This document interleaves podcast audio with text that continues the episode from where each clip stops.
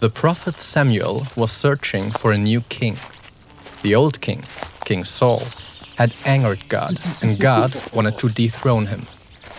God told Samuel where to find the new king.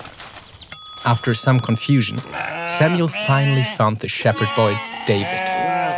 He was glowing with health and had a fine appearance and handsome features. Then the Lord said, Rise and anoint him. This is the one.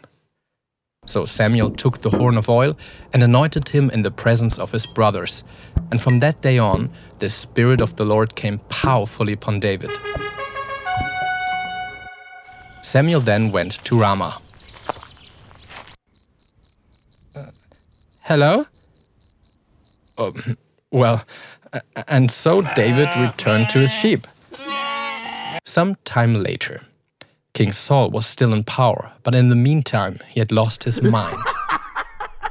then some of his servants had an idea. Let's search for someone who can play the lyre. This will put your mind to rest and cheer you up.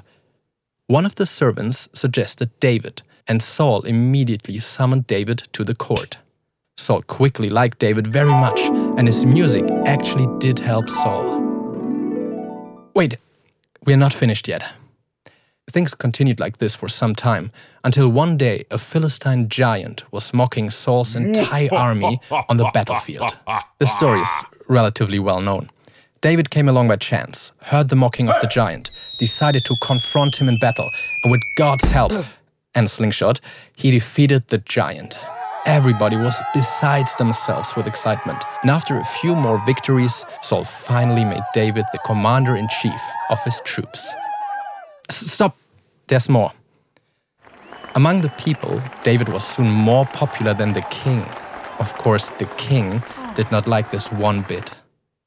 One day, when David wanted to play the lyre to calm the king who was having a fit of raving madness, the king tried to spare him. David was able to move away, but there was a crack in their relationship from then on. David successfully won many battles for the king and became more and more popular among the people, but more and more hated by the king. After some time, things got so bad that David had to flee. He went into exile, and slowly but surely, an army formed around him. Saul's army relentlessly pursued David and his men for a long time and tried to kill him. Without David as the commander in chief, the Philistines were finally able to defeat Saul's army, and to avoid being arrested, Saul took his own life. Thereupon, the men of Judah anointed David as their king, but only the tribe of Judah stood behind David. It was only after seven and a half years that the battle between Judah and Israel finally took place, and at its end, David finally became king over all of Israel. It is estimated that from his calling until his actual crowning, about 20 years passed by. Now we finished. Woe, wat een verhaal. Kom aan, hier zou je een boek over moeten schrijven, toch? Of een film of nou, zoiets. Hey, super nice dat jullie hier vandaag zijn. Dat je vandaag hier in IJsje Leiden bent. Ook iedereen welkom op de livestream. Te gek dat jij vandaag bent ingetuned. Of als je misschien later terugkijkt in de podcast of terugluistert op Spotify. Te gek dat jij in dit topic bent gedoken. En ik vind het zo gaaf dat ik vandaag dit topic mag doen. Want ik herinner me nog heel goed zes weken geleden dat ik samen met deze reden mooi de allereerste topic van deze serie mocht doen. En dat was nice. Het was een, was een heerlijke opener voor deze hele serie. En het beloofde zoveel goeds. En ik weet één ding nog heel goed wat ik zei. Eén topic is heel nice.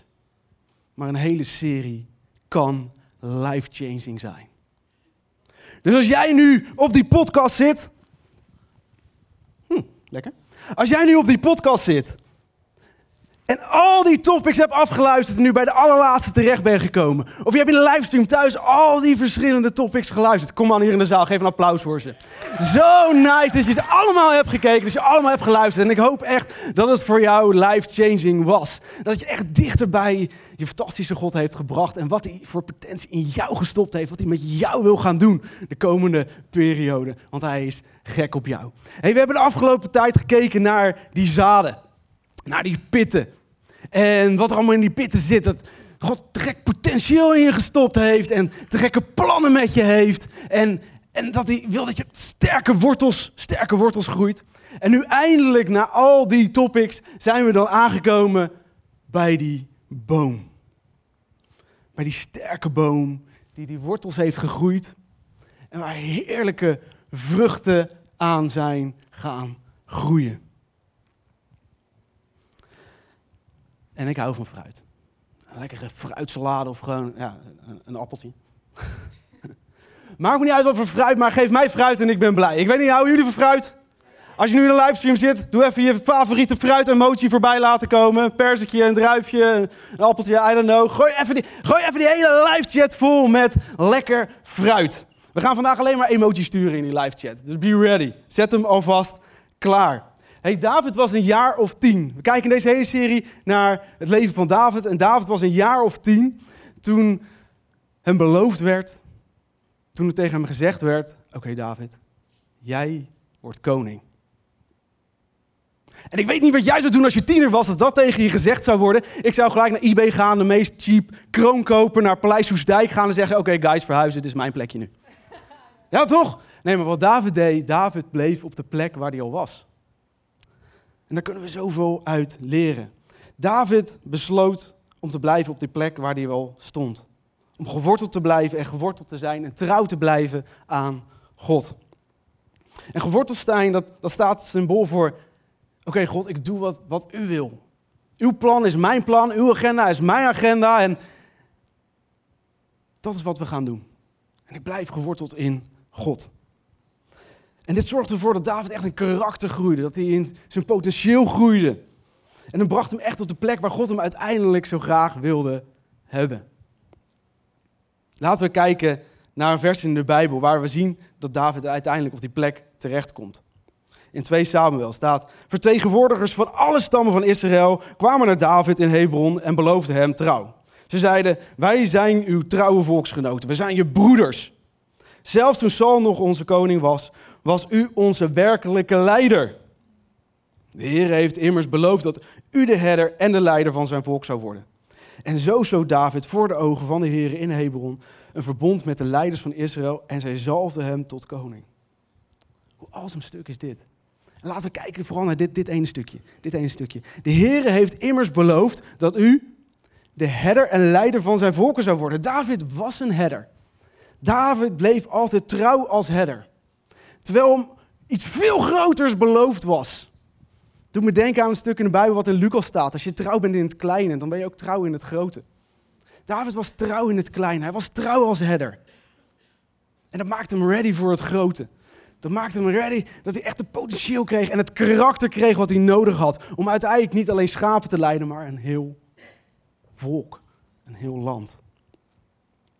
De Heer heeft immers beloofd dat u de herder en de leider van zijn volk zou worden. Zo sloot David voor de ogen van de Heer in Hebron. Een verbond met de leiders van Israël en zij zalfde hem tot koning. Wat een awesome moment moet dit zijn geweest. Het moment dat je op dat punt komt waarvan je al zo lang wist, nu gaat het komen, hier wil God me hebben, hier ben ik al zo lang mee aan het werk met mijn potentieel en nu ben ik op dat plek terechtgekomen. Hoe vet moet dat zijn? Ik wil uiteindelijk op zo'n plek terechtkomen. Ik hoop jij ook dat je op die plek uiteindelijk terecht wil komen. Dat je denkt, dat is mijn sweet spot, dat is waar ik wil zijn. Dat is waar God me uiteindelijk wil hebben. Kom aan, met de emojis in de live chat. Steek even je handen op als jij daar ook wil zijn. Op die sweet spot, op die plek waar God jou wil hebben. Als je hem eert in het kleine, ben je ook ready voor het grote. En uiteindelijk brengt God de vruchten. God brengt de vruchten. We zijn geroepen om vrucht te dragen. Maar Kom maar, als we naar die boom kijken. Het is een appelboom. Oké, er, er, hangen appels in, dus het is een appelboom. en die appels, daar zit weer een zaad in. En uiteindelijk is die appelboom geroepen om appels te geven. Hij is, hij is geroepen, hij is gezalfd, hij is een beloofd dat hij uiteindelijk appels zal krijgen. Maar als je zo'n zaadje in de grond stopt, dan weet je dat, dat dat niet automatisch zo is. Het werkt niet automatisch zo, ik stop een zaadje in de grond en nu komt er een appelboom aan en dan heb ik uiteindelijk appels. Elke hobbytuinder of iedereen met een guerrilla moestuin op zijn dak weet dat er meer nodig is voor zo'n zaadje om uiteindelijk een boom te groeien, om uiteindelijk vrucht te dragen. Je hebt goede grond nodig. Je hebt sterke wortels nodig. Je hebt dit allemaal nodig om uiteindelijk die vruchten aan die boom te hebben. Er is zoveel meer voor nodig.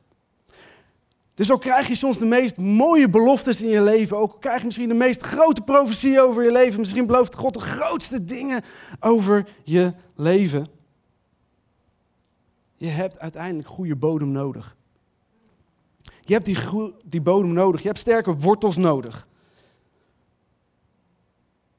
Je moet in God geworteld zijn, anders zal het uiteindelijk nooit gebeuren. Het is misschien een beetje heavy om zo dit heerlijke laatste topic te starten. Maar ik wil dit wel vanochtend gezegd hebben om daarmee te beginnen. Dat het niet vanzelfsprekend is. En dat het essentieel is dat we in goede grond liggen. Dat we sterke wortels hebben waar, waar we al onze kracht uit de grond kunnen halen. Wat we in de allereerste topic zeiden. Het is eerst de wortels, dan de vruchten. Het is eerst in het onzichtbare, in het donker, in de grond. En daarna komt pas dat zichtbare. We moeten eerst die hele reis maken voordat we uiteindelijk die prijzen aan onze bomen hebben hangen. Ik wil echt de tijd nemen om dat eerst duidelijk te maken voordat we straks in geweldige vruchten gaan duiken. Dat de belofte geen garantie is. Dat de garantie is dat God een geweldig plan met jouw leven heeft. Die garantie heb je.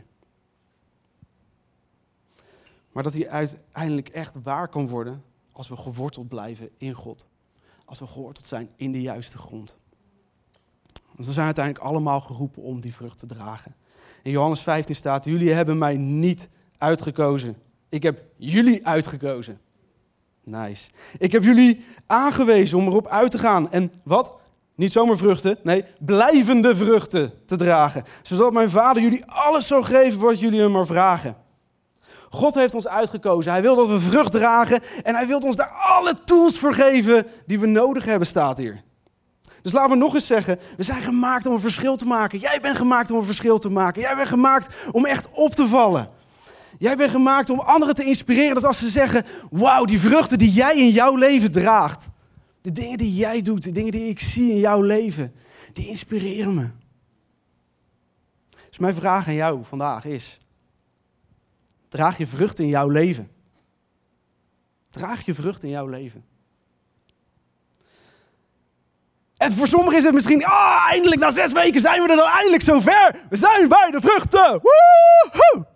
En sommigen zullen denken, oh shit. Want nu wordt alles wat in het onzichtbare wordt, wordt opeens zichtbaar. En misschien is het helemaal niet zo nice. Misschien is het wel zo'n kiwi met van die haartjes en van die pitjes tussen mijn tanden. Er zit helemaal niemand op te wachten, jongens. Misschien is het wel helemaal niet zo nice, die vruchten die aan mijn boom hangen. In Matthäus staat, aan hun doen en aan hun laten kan je zien wat ze zijn. Zoals men een boom kan herkennen aan zijn vruchten. U hoeft aan een doornstruik hoef je geen druiven te zoeken en aan een distel hoef je geen vijgen te zoeken. Het klinkt zo logisch, maar het is waar. Als u wilt weten of een boom goed of slecht is, kijk dan naar zijn vruchten. Een goede boom, daaraan komen geen slechte vruchten. En aan een slechte boom, daar komen geen goede. We zijn allemaal geroepen om vrucht te dragen. Niet zomaar vruchten, maar vruchten die blijvend zijn. En dan hebben we het niet alleen over lekkere materiële vruchten die iedereen kan zien. Nee, dan hebben we het over gezonde relaties. Heb jij gezonde relaties in je leven? Dan hebben we het over een vergevende levensstijl. We vorige week keken naar David en zijn vriendschappen. Ben je de eerste die wil vergeven in je vriendschappen? Dan hebben we het over een blije levensstijl. Omdat we weten waar het echte leven vandaan komt. Omdat we een vrijgevige levensstijl hebben. Dat zijn de dingen, dat zijn vruchten. Mm, als anderen die zien, oh, zo lekker. Heb je die in je leven? Wat zie jij terug? Wat zijn jouw zichtbare vruchten? En natuurlijk, we kennen allemaal wel, misschien wel de, de, vruchten van de Heilige Geest. Maar op het moment dat je geworteld bent in God, dan heeft de Heilige Geest alle mogelijkheid om alles te doen in je leven wat hij maar wil. En dan komen al die vruchten van de Heilige Geest komen al naar boven. Heb je vrede in je leven? Heb je echt die rust in je, in je leven? Heb je vriendelijkheid in je leven? Ah, vriendelijkheid is zo nice. Het wordt al zo vanzelfsprekend gezien, maar vriendelijkheid, guys, vriendelijkheid is de liefde. En liefde is vriendelijk. Het is zo'n groot topic. Het is zo'n grote vrucht die we iedere dag weer met ons meedragen. En als ik persoonlijk soms dan terugkijk in mijn leven en dan denk van, nou, ik kijk de afgelopen 15 jaar terug. Welke keuzes heb ik nou allemaal gemaakt en heb ik nou echt vrucht gedragen? Heb ik de juiste keuze gemaakt toen ik 16 jaar geleden in een jeugdkerk op mijn knieën ging en zei: Oké, God, have it all. Heb ik de juiste keuze gemaakt op het moment dat ik koos voor een job in de zorgsector en dacht: Dit is het, hier kan ik alles in kwijt. Heb ik de juiste keuze gemaakt toen ik met mijn vrouw ICF binnenkwam lopen en dacht: Dit is de kerk waar we trouw aan willen zijn. No matter what. Hebben de juiste keuze gemaakt op het moment dat we met het team naar Amsterdam gingen om dat ICF Startup Amsterdam daar te beginnen en er alles te geven wat we op dat moment in ons hadden? Heb ik de juiste keuze gemaakt op het moment dat ik op mijn 22ste al met mijn vrouw trouwde en zei: Ik beloof je trouw? Heb ik de juiste keuzes gemaakt? En dan kijk ik terug, terug en dan denk ik aan de vruchten. Kom man, ik hou van mijn vrouw. Zij houdt van mij. Hoe awesome is dat? We hebben een te gek kind rondlopen. Kleine stuiterbal. Altijd vrolijk. Hoe gaaf is dat?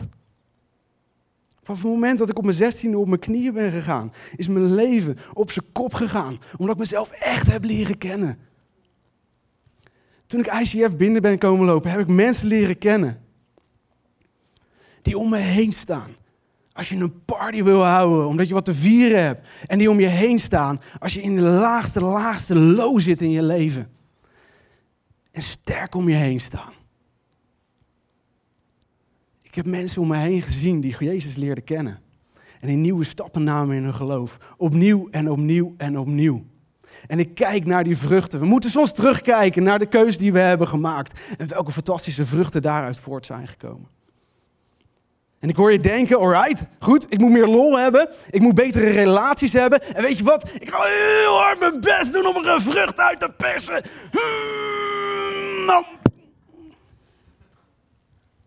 Je hebt dat Engelse gezegde, if you have to push love, it's probably crap. Nederlands vertaald, als je liefde moet, eruit moet persen, dan is het waarschijnlijk uh, mest. maar een boom is niet bezig om die vruchten eruit te persen, want dat moet zo nodig. Een boom is daar helemaal niet bezig. Die boom is bezig met, ik moet geworteld zijn. Ik moet sterk staan. Ik moet een sterke boom zijn. Dat is waar ik mee bezig moet zijn. We moeten geworteld blijven. En die vruchten zijn daar een resultaat van. Die vruchten zijn een resultaat van dat we geworteld zijn op de juiste plek. Die vruchten zijn het resultaat dat ik geworteld ben in mijn fantastische Jezus, in mijn God. Het plan wat Hij met mijn leven heeft gedaan en wat Hij gaat doen en dat ik daaraan trouw blijf. Het gaat niet om het streven naar goede vruchten. God brengt de vruchten voort en onze job is om geworteld te blijven. God brengt de vruchten. Wij blijven geworteld. Enige job. Dus laten we kijken naar drie fantastische vruchten die David heeft voortgebracht. Een van die vruchten was natuurlijk dat hij koning zou worden en dat potentieel had hij in zich en dat was een belofte en dat is hem uiteindelijk gelukt. En hij heeft nog veel meer vruchten voortgebracht, David. Maar laten we naar drie fantastische vruchten kijken die David heeft voortgebracht. Wendy, come on. Yes. Vertel over die vruchten. Nou, het eerste uh, vrucht waar we naar gaan kijken is de vrucht van trouw. Jouw woord is jouw woord. Zelfs als niemand jou verantwoordelijk houdt, is het dan alsnog, hou jij, ben jij nog steeds trouw daaraan? Nou, afgelopen week hebben we gekeken, afgelopen zondag hebben we gekeken uh, naar de message waarin Jonathan en David zo'n ontzettend goede vriendschap hadden. En um, ja, we hebben ook gezien dat dat best wel een lastige vriendschap was, toch? Ik bedoel, Jonathan was de zoon van Saul en Saul die wilde David vermoorden dat is best wel een lastige situatie. En er was dus uiteindelijk een moment waarin Jonathan David waarschuwde van... hey, ik weet dat mijn vader morgen plannen heeft om jou om te leggen. En je kan je voorstellen dat dat gesprek wat ze op dat moment hadden... dat was heel intiem. Dat jouw vriend dat vertelt. En Uiteindelijk eh, was David zo ontzettend dankbaar dat, dat het hem verteld was door Jonathan. Dat David tegen Jonathan zei: Weet je wat? Ik beloof jou bij deze dat al jouw nakomelingen, alle kinderen die jij hebt, ik zal voor ze zorgen. Want ik vind het zo bijzonder hoe jij voor mij hebt gezorgd. Nou, en daarna namen ze afscheid van elkaar en uh, zagen ze elkaar niet meer. En uh, uiteindelijk weten we dat, uh, dat David dus koning is geworden. En uh, helaas zijn Saul en Jonathan uh, omgekomen in de oorlog. En ook nog daarbij weer nog meer van, van hun familie. maar David die wilde zeker zijn, zijn er nog nakomelingen van Jonathan? En dat lezen we het volgende dat hij het volgende vroeg. daarop vroeg de koning hem, dus David vroeg, vroeg ehm, Zila, is er nog familie van Saul in leven? Als dat zo is, wil ik ter wille van God goed voor hen zijn. Ja, luidde Ziba's antwoord. Er leeft nog een zoon van Jonathan, die aan beide voeten verlamd is. Koning David ontbood daarop Mephibozet, de zoon van Jonathan, de kleinzoon van Saul. Wauw, dus er is nog iemand in leven, zou je denken. Nou, je denkt dan misschien van, wow, die Mephibozet, zo, die, dat is echt een lucky guy. Want hij gaat nu een envelop krijgen op zijn deurmat met een uitnodiging om naar de koning te komen, om naar het paleis te komen. Maar om heel eerlijk te zijn, zat hij eigenlijk niet helemaal op die uitnodiging te wachten. Want wat er in die tijd namelijk was, was dat als er een nieuwe koning kwam, dan was het heel gebruikelijk dat de koning oude koninklijke familie allemaal liet uitroeien voor het geval dat misschien zijn koningschap weer terug zou gaan op die familie. Kan je je nu voorstellen hoe die envelop zou moeten zijn geweest voor Mephibozet? Dus Mephibozet die was vol angst. Laten we lezen wat er gebeurde. Mephibozet verscheen trillend van angst voor de koning en boog zich heel diep voor hem neer. Maar David zei: Wees maar niet bang. Ik heb u gevraagd hier te komen omdat ik iets goeds voor u wil doen, wegens mijn eed aan uw vader Jonathan. Ik zal al het land dat van uw grootvader Sal was, aan u teruggeven en u kunt hier in het paleis wonen. Wauw, bizar. Ik bedoel, die Mephibozet was al lang blij dat zijn leven gespaard bleef. Maar hij kreeg nog veel meer erbij. Hij kreeg al dat land terug wat van Saul was. Nou, ik, dat zal echt gigantisch veel zijn geweest. En hij, uh, hij mocht zelfs in het paleis wonen. Hoe bizar. En dat laat zien dat David een vrucht van trouw had. David had van tevoren met Jonathan afgesproken: ik zal voor jouw nakomelingen zorgen.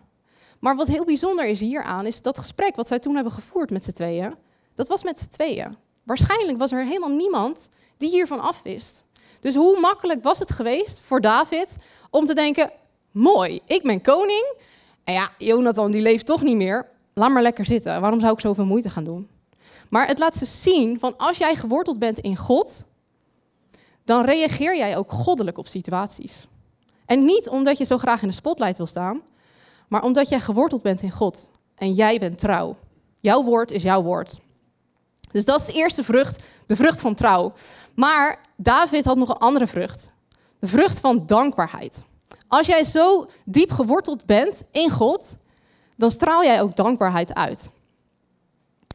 Nou, David werd, uh, werd dus koning en hij was, op dat moment was hij vastberaden om de gestolen ark van de heren met de tien geboden, om die terug te brengen naar het volk.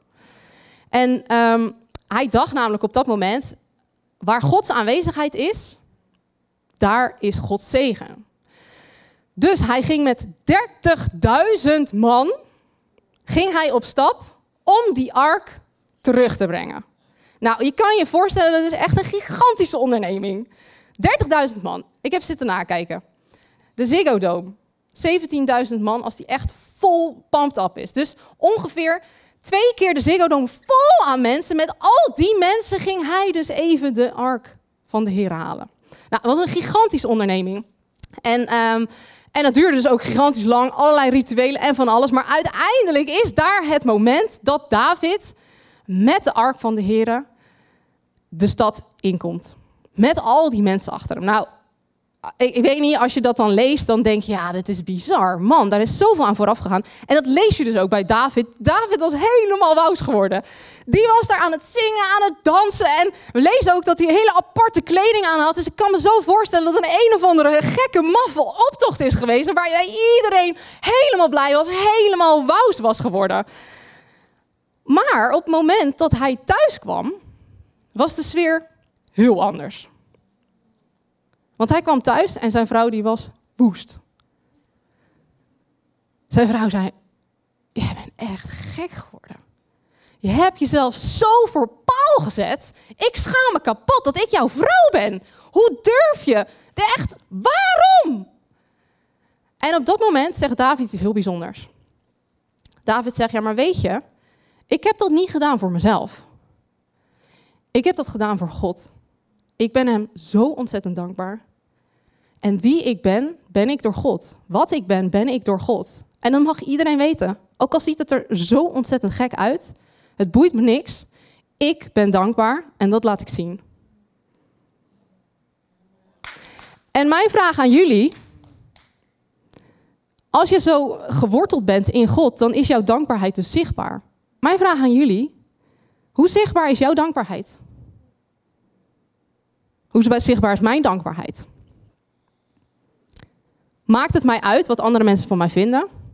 Of vind ik het prima om gewoon lekker los te gaan voor God? Boeiend, ik ben zo dankbaar. Kunnen wij net als David zeggen: Ja, joh, weet je, het maakt me helemaal niet uit als ik, als, ik, als ik er zo gek bij loop. Of maakt me helemaal niet uit als ik misschien iets te, iets te luid ben. Of als ik misschien zelfs iets te emotioneel word.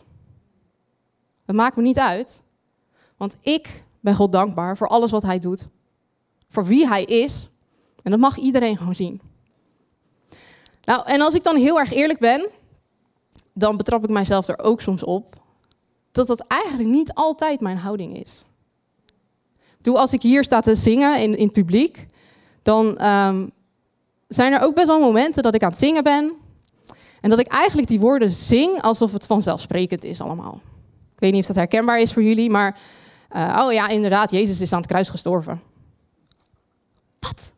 Jezus is aan het kruis gestorven voor mij, weet je Soms heb je het idee van, ja, maar ja, weet je, ik zing dat al zo lang achter elkaar. Ik natuurlijk al helemaal, want je moet al die nummers nog instuderen als je zingt op het podium. Maar dan alsnog, ik wil die vrucht van dankbaarheid wil ik nog meer creëren, nog meer ontwikkelen. Want ik wil het niet als vanzelfsprekend zien. Ik wil niet zo'n persoon zijn, dat, dat ken je vast wel, net als een kind die dan een heel groot duur, waanzinnig cadeau krijgt. En als hij het openmaakt, zegt hij: Ja, leuk, maar ik wilde eigenlijk dat ook nog heel graag hebben. Nee, ik wil, ik wil zo'n kind zijn die van een klein cadeau al helemaal wild wordt en helemaal gaat springen en alles. En die zo ontzettend dankbaar is. En dat is de vrucht die David ook liet zien. Hij was zo vol van blijdschap dat hij daar rondsprong en, en danste en alles omdat hij wist hoe bijzonder het was wat er allemaal gebeurde. En dat is de vrucht van dankbaarheid. Dat is de vrucht die je ziet van buitenaf. Deze, wil jij ons meenemen in de derde vrucht? Ja, zeker, zeker. Ik ga met jullie afsluiten in deze serie met de laatste vrucht die we in Davids leven kunnen ontdekken. En dat is de vrucht voor de volgende generatie. En dit is echt een punt, een vrucht waar we echt allemaal wat mee kunnen. Dus of je hier in de zaal zit, thuis bent, deze message later terugluistert, dit is echt een punt waarvoor we op het puntje van op onze stoel moeten gaan zitten. Want de vrucht van de volgende generatie is echt super powerful. En David had maar één droom aan het einde van zijn leven. En dat was de tempel opbouwen waar zijn God in zou wonen. Maar God liet hem heel duidelijk merken: dat is niet aan jou, David. Dat is voor jouw zoon. Zijn taak is het niet jouw taak. En David had heel erg ontmoedigd kunnen zijn en die had kunnen denken van, nou weet je wat, dan ga ik maar met vervroegd pensioen of zo. Dan ga ik maar gewoon lekker genieten van wat ik in mijn leven heb meegemaakt, want hij had zoveel bereikt. Maar toen David naar zijn leven kijkte, wist hij, ik leef niet voor mijn overwinning. Ik leef niet voor mijn, mijn glorie. Ik leef voor Gods glorie. En hij keek naar zijn leven en hij had aan die boom kunnen schudden. En hij had die appel kunnen pakken en denken: Smaakt goed. Is lekker. Ik heb er hard voor gewerkt. En deze vruchten zijn ook goed. En ik kan ervan genieten. En ik kan het allemaal voor mezelf houden. Maar jullie raden waarschijnlijk al, dat, da- dat deed David niet.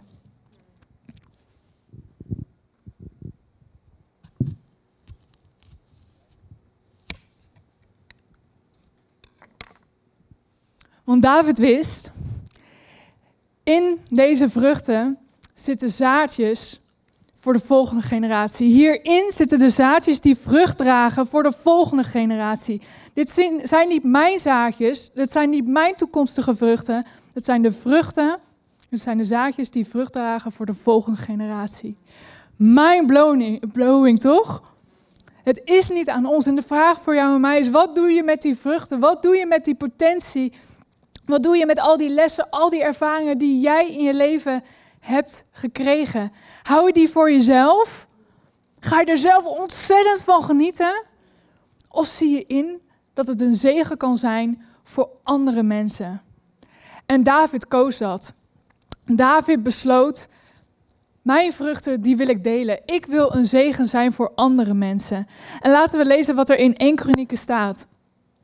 Mijn zoon Salomo is nog jong en nog niet zo sterk, zei David. En het huis van de Heer moet een prachtig bouwwerk worden. Beroemd en bewonderd door de hele wereld. Daarom, daarom begin ik alvast met de voorbereidingen. En zo bracht David nog voor zijn dood alle bouwmaterialen bijeen. Ik daag jullie uit, ga lekker deze week dit Bijbelstuk lezen, want dan lees je hoeveel goud, hoe- hoeveel hout, hoeveel spullen hij moest verzamelen om uiteindelijk die tempel te bouwen. Hij zorgde ervoor dat hij ready was, dat de volgende generatie iets amazing kon doen met zijn vruchten. David wist, ik ben gezegend om een zegen te zijn. Ik wil het niet voor mezelf houden, ik wil voor een ander er zijn. Ik wil mijn vruchten inzetten voor de volgende generatie.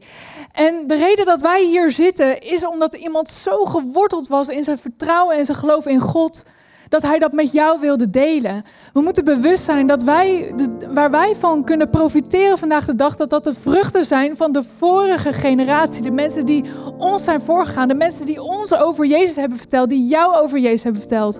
Dat is wat we echt moeten snappen en begrijpen, dat dat zo speciaal is. Het is niet voor jou alleen om van te genieten. Wat jij hebt gekregen heeft zoveel potentie om weer door te geven aan de volgende generatie. Mijn vraag vandaag voor jou is: wie heeft er in jou geïnvesteerd? Wie was er zo geworteld en had zoveel vertrouwen in God en heeft dat gedeeld met jou persoonlijk? Wie was dat? We hebben allemaal iemand die ons over Jezus heeft verteld. Anders zou je hier niet zitten. Anders zou je nu niet de podcast kijken. En laten we zo dankbaar zijn, wat Wendy net vertelde. Laten we dankbaar zijn voor die hele reis, voor die hele journey. En als ik naar mijn leven kijk, dan denk ik echt, wauw. Er zijn zoveel mensen die in mij hebben geïnvesteerd die dat niet hadden hoeven doen. En mijn ouders, ze zitten hier. Ik ben jullie mega dankbaar voor alles wat jullie in mijn leven hebben gedaan. Van studies, van vakanties, van hele leuke dingen. Maar ook dat ik in een gezin ben opgegroeid waar ik nooit heb ho- hoeven twijfelen aan wie ik ben. Of ik wel geliefd ben, ja of nee. Dat heb ik meegekregen vanuit mijn jeugd. En ik ben daar zo dankbaar voor dat ik daarin zo sterk ben opgegroeid. En dat ik dat ook die kracht kan doorgeven naar andere mensen. Visie hebben hoe ik dat later ook zou willen doen. Maar ook wat ik op dit moment al kan doen met de mensen om me. Ik ben mega dankbaar voor Jos en Wendy, de locations pastors van deze kerk. Ik weet nog beter waar de snackla zit dan zij zelf. Ik mag altijd alles opentrekken. Ik voel me helemaal thuis bij hun. Maar nog belangrijker, de gesprekken en de, de ervaringen die we samen kunnen delen, die mij zo opbouwen, die me zoveel zelfvertrouwen geven om hier in deze kerk mijn positie in te kunnen nemen. Wat niet altijd makkelijk is. Daar ben ik hun mega dankbaar voor. En ook het afgelopen jaar, ik, velen van jullie zullen het misschien ook wel herkennen, gewoon corona, dat echt mega uitdagend was. En dat ik soms ook een hele donkere wolk over mijn hoofd had hangen. Dat ik dacht van ja, ik zie het allemaal niet meer zo zitten. Dat er mensen in mijn leven waren die voor me hebben gebeden, die naast me hebben gestaan, die echt wilden investeren in mij. En dat hadden ze allemaal niet hoeven doen. En ik ben mega dankbaar dat ik die mensen om me heen heb. En dat ik dat niet voor lief neem, maar dat ik die vruchten wil delen met andere mensen om mij heen. En David deed precies hetzelfde. David wilde ook echt een zegen zijn voor andere mensen. Hij wilde het niet voor zichzelf houden. En het daagt mij ook uit om ook zo liefdevol te zijn naar de mensen om me heen. Niet omdat ik dan ergens dat kan posten op Instagram of daar heel erg trots over kan gaan doen of dat dat iets is wat je moet behalen. Maar ik denk dat we allemaal wel merken wanneer je je zo geliefd voelt dat je denkt: wauw, God heeft ons zoveel gegeven. Dat je niet anders kan dat de Heilige Geest je indrukken geeft. Dat je denkt van ja, ik wil die stappen nemen met mijn Jezus. En ik hoop dat je dat ook zo ervaart. Wat ik zo tof vind, wanneer God iets door jouw leven heen wil doen, dat Hij jou wil veranderen, dat Hij jou sterk wil maken, dan is die transformatie niet alleen een zegen voor jouw leven, dan is dat ook een zegen voor de mensen om jou heen. Want hoe heerlijk is het om bij iemand in de buurt te zijn die zo blij is, die zo vergevingsgezind is, die zoveel respect heeft voor de mensen om hem heen. Jij kan zo'n persoon zijn. Die transformatie in jouw leven is niet alleen voor jou van impact, maar heeft een impact voor de volgende generatie. Dus denk niet alleen aan jezelf, maar denk wat er door jou heen en met jou super belangrijk dat je een zegen kan zijn voor de volgende generatie. En we willen nu heel graag voor jullie gaan bidden. Dat je geworteld blijft in God. En dat je echt vrucht gaat dragen. En dat je echt een impact gaat maken met jou, Jezus, op de volgende generatie. Dus laten we staan. Laten we vol verwachting deze serie afsluiten. En let's pray. Ja, vader, dank u wel dat u alles al lang in ons heeft gelegd. Dat u al een plan met ons heeft. Dat u de potentie al erin heeft gestopt. Dus zoveel talenten in elk van ons heeft gestopt. Waar we nu ook zijn, hier in de zaal, thuis via de livestream, later meeluistert. God heeft een geweldig plan met jou. En op het moment dat u dat zaad laat planten, en we misschien diep onder die grond zitten en het is donker en we zien het niet en we begrijpen het niet welk fantastisch plan u met ons heeft. Dank u wel dat u ons elke keer weer rust wil geven. Goddelijke rust om op de plek te blijven waar u ons heeft neergezet. Met de mensen om ons heen waar u ons, ons neer heeft gezet. Vader, we willen echt sterke wortels krijgen. Sterke wortels, dat als we onze kop straks boven de grond uitsteken, dat we niet wegwijden, niet wegspoelen, niet vertrapt kunnen worden. Omdat we sterk geworteld staan in u. U bent de rots waarop we willen staan, ieder moment weer. Welke situatie dan ook, op de plek waar u ons plant. Dat is waar we wortels willen krijgen. Geef ons de sterkste wortels. Als persoon, als kerk, als small group. Als nooit tevoren. Zodat we fantastische vruchten kunnen dragen. Ja, van die fantastische vruchten. Net als de vrucht van trouw mijn woord is mijn woord. Ongeacht of iemand meekijkt, dat ik trouw mag zijn. En ook de vrucht van dankbaarheid. Dat ik echt, echt, echt dankbaar mag zijn. En dat het me eigenlijk helemaal niet uitmaakt wat andere mensen ervan vinden. En dat ik daardoor juist een inspiratie mag zijn voor anderen. En hier zijn er nog veel meer vruchten die we allemaal kunnen voortbrengen. Waar we zelf van kunnen genieten en waarvan anderen kunnen genieten. De generatie die nog gaat komen. Ja, Jezus, ik wil u danken dat u zoveel in ons hebt gestopt en dat er zoveel mogelijk is wanneer we geworteld blijven, wanneer we vrucht dragen. En dat dat niet voor onszelf is. U drijft ons altijd ertoe om te kijken, hé, hey, wat hebben andere mensen nodig? Hoe kunnen we andere mensen tot een zegen zijn? Mhm. En ik wil u echt danken dat we hier staan, niet voor onszelf, maar de, voor andere mensen. Mensen die nog niet eens in deze zaal zijn, die nog niet op deze stoelen zitten. Mensen die nog niet eens geboren zijn. Dat we echt ons leven zo kunnen inzetten, zo kunnen investeren dat het een zegen kan zijn voor andere mensen. En in het gebed wil ik ook de mensen die al heel lang op deze aarde rondlopen, echt uitdagen. Je hebt wat te bieden. De jonge generatie heeft jou nodig. Met jouw kennis, jouw ervaringen, met jouw vruchten. Om ze te laten inspireren, te proeven aan de heerlijke smaak van Jezus Christus. Dat ze eenmaal van die vrijheid en van die liefde proeven. En de rest van hun leven dicht geworteld, dicht bij Jezus willen zijn. En ik wil u zo danken, Jezus, dat u tegen ons zegt: Ik ben bij je. Want het wordt misschien spannend, het wordt misschien uitdagend, want misschien gaat het wel pijn doen wanneer je investeert en niks terug ontvangt. Maar we weten wanneer wij alleen maar zaaien, met tijd, met woorden, met gewoon er zijn, luisteren, die liefde geven, dan weten we dat u daar alleen iets heel bijzonders doorheen kan doen. Heilige Geest, gebruik ons deze week, deze maand, ons hele leven en laat het goed smaken. Amen.